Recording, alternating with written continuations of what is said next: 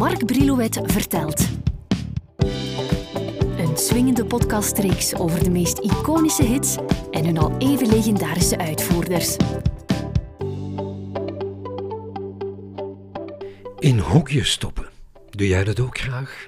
Is het voor jou makkelijker als je iets meteen kan thuiswijzen?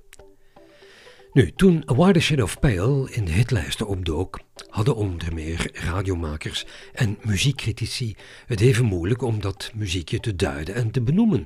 Voor sommigen was het progressieve rock, voor anderen psychedelische rock en nog anderen noemden het barok rock. Ik ga proberen het de komende minuten zorgvuldig uit de doeken te doen.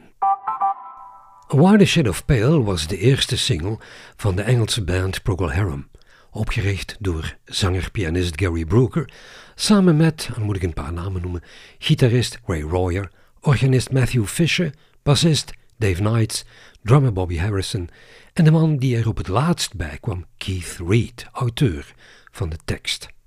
Op zekere nacht was Keith te gast tijdens een feestje op de flat van Guy Stevens. Guy was een bekende DJ en tevens producer.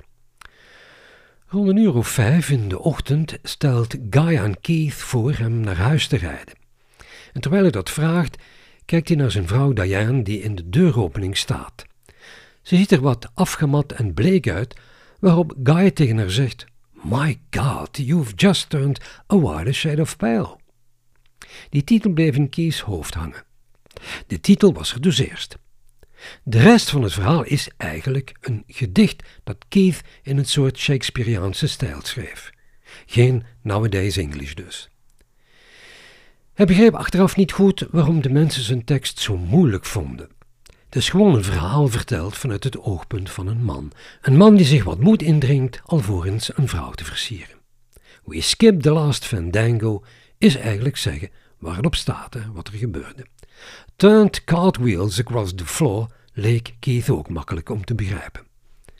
Het was wel uniek voor die tijd om in een popliedje zo'n hoogstaande lyriek te hanteren. Beweren dat Keith wat bij de Britse schrijver Geoffrey Chaucer heeft gehad, is volgens hem volslagen nonsens. Hij ziet totaal geen gelijkenis met Chaucer's Canterbury Tales, overigens, hij kende die man niet eens. Klaas Johansen, schrijver van het boek Procol Harum Beyond the Pale beweert dat de tekst staat voor een ontmoeting tussen een man en een vrouw die, na wat heen en weer gepraat en afspraakjes maken, eindigt met een partijtje seks. De tekst straalt nogthans zoveel piëteit uit, overigens gedragen, niet te vergeten, door de hemelse muziek van Gary Brooker, dat het haast een vast onderdeel zou kunnen worden van een huwelijksviering, in plaats van die stereotype en o zo vertrouwde bruiloftsmars van Felix Mendelssohn Bartholdy. Trouwens, tijdens het huwelijk van Gary Brooker speelde Matthew Fisher A Wider Shade of Pale op het kerkorgel. Het wat pompeuze karakter van die compositie is voor een groot deel te wijten aan de muziek van Gary Brooker. Hij was het die met Air on a G-string en Sleepers Awake van Johann Sebastian Bach aan de samenstelling van de melodie begon.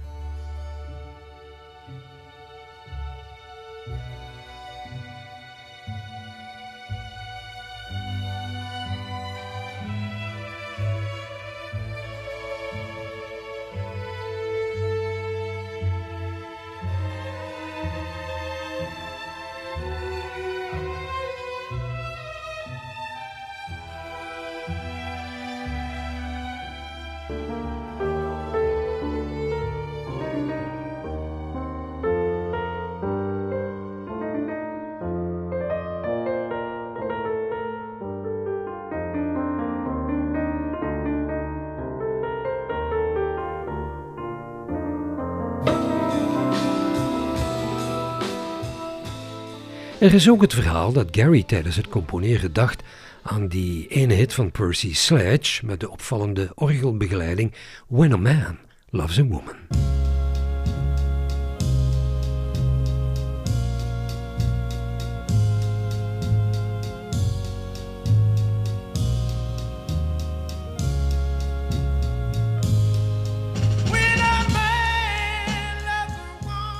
Het is Gary die tijdens het componeren besluit een volledig deel van de tekst van Keith weg te laten, omdat de inhoud anders te bombastisch zou klinken.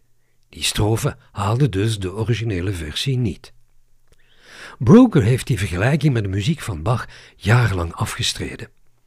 Hij was dan ook maar wat blij toen uh, McGowan van de Pogues later aangaf dat The Wider Shade of Pale een van zijn lievelingsplaten is. People say Procol Harum nicked it from Bach, but it doesn't matter, because what they did was much better than what Bach did. Mag ik er ook even aan toevoegen dat sommige muziekkenners beweren dat er eveneens invloeden te horen zijn van O Mensch, bewein deine Sünde groß, eveneens van Bach. We pikken dat even mee.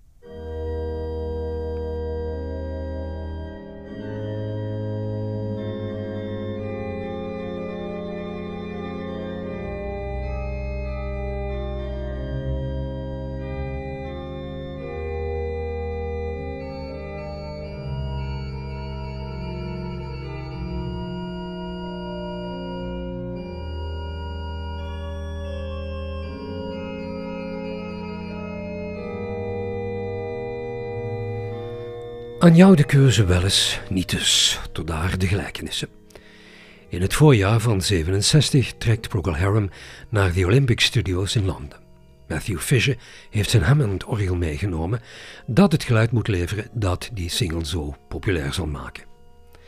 Er wordt een versie opgenomen met sessiedrummer Bill Aiden, maar eh, iets later heeft Bobby Harrison zich als vaste drummer bij de band aangesloten en er wordt een nieuwe versie opgenomen, deze keer dus met hem.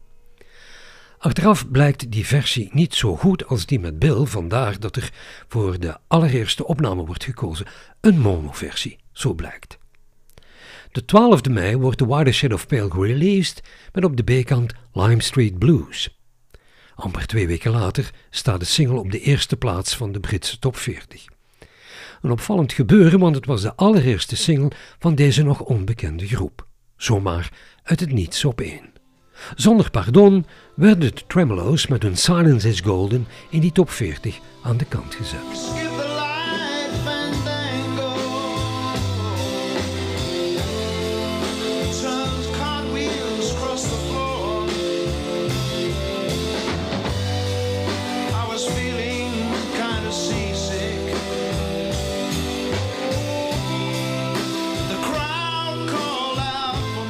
Vijftien weken lang zal A Watershed of Pale in de Britse charts blijven hangen. In landen als Nederland, Duitsland, Ierland, Australië en België werd de absolute top van de hitlijsten bereikt. In Amerika werd de 24 mei 67 de vijfde plaats van Billboard's Hot 100 ingepalmd. En dat zonder ook maar enige vorm van promotie. Het was John Lennon die het niet onder stoelen of banken stak dat hij weg was van A Watershed of Pale en het vaak speelde wanneer hij met zijn Rolls Royce op weg was. Lennon dacht eerst dat hij de stem van Steve Winwood hoorde, die op dat moment populair was als zanger van de Spencer Davis Group. Als je goed kijkt, dan zie je op recente persingen van het liedje drie namen vermeld: Gary Brooker, Keith Reed en Matthew Fisher. Fisher had namelijk in 2005 een proces aangespannen tegen Keith en Gary, omdat ook hij aan het nummer had meegeschreven en nooit in de auteursrechten had mogen delen. De 30 juli 2009 wint hij het pleit en wordt hem 40% van de auteursrechten toegewezen. Betalingen met terugwerkende kracht werden niet goedgekeurd. Van The Watershed of Pale bestaan er intussen meer dan duizend coverversies. Vooral die van de boxtops en country-legende Willie Nelson zijn me bijgebleven. In 1978 nam Joe Cocker het op voor zijn album Luxury You Can Afford.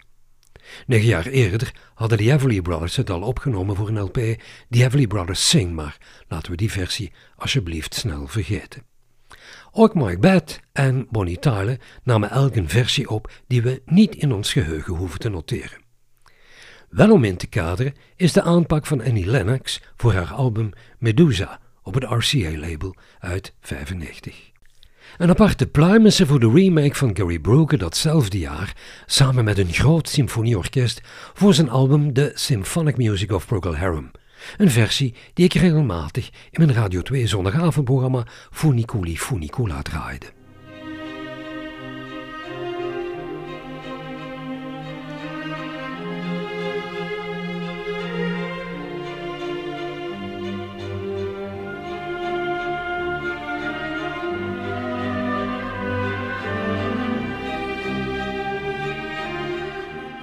In de maand april van 72 dook Watershed of Pale nog eens op in de Britse charts toen het opnieuw werd uitgebracht.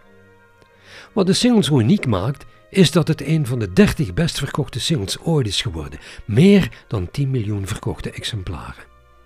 De song zal nadien ook regelmatig in soundtracks van bekende films opduiken, zoals In the Bow That Rocked, Purple Haze, The Big Chill en New York Stories van Martin Scorsese.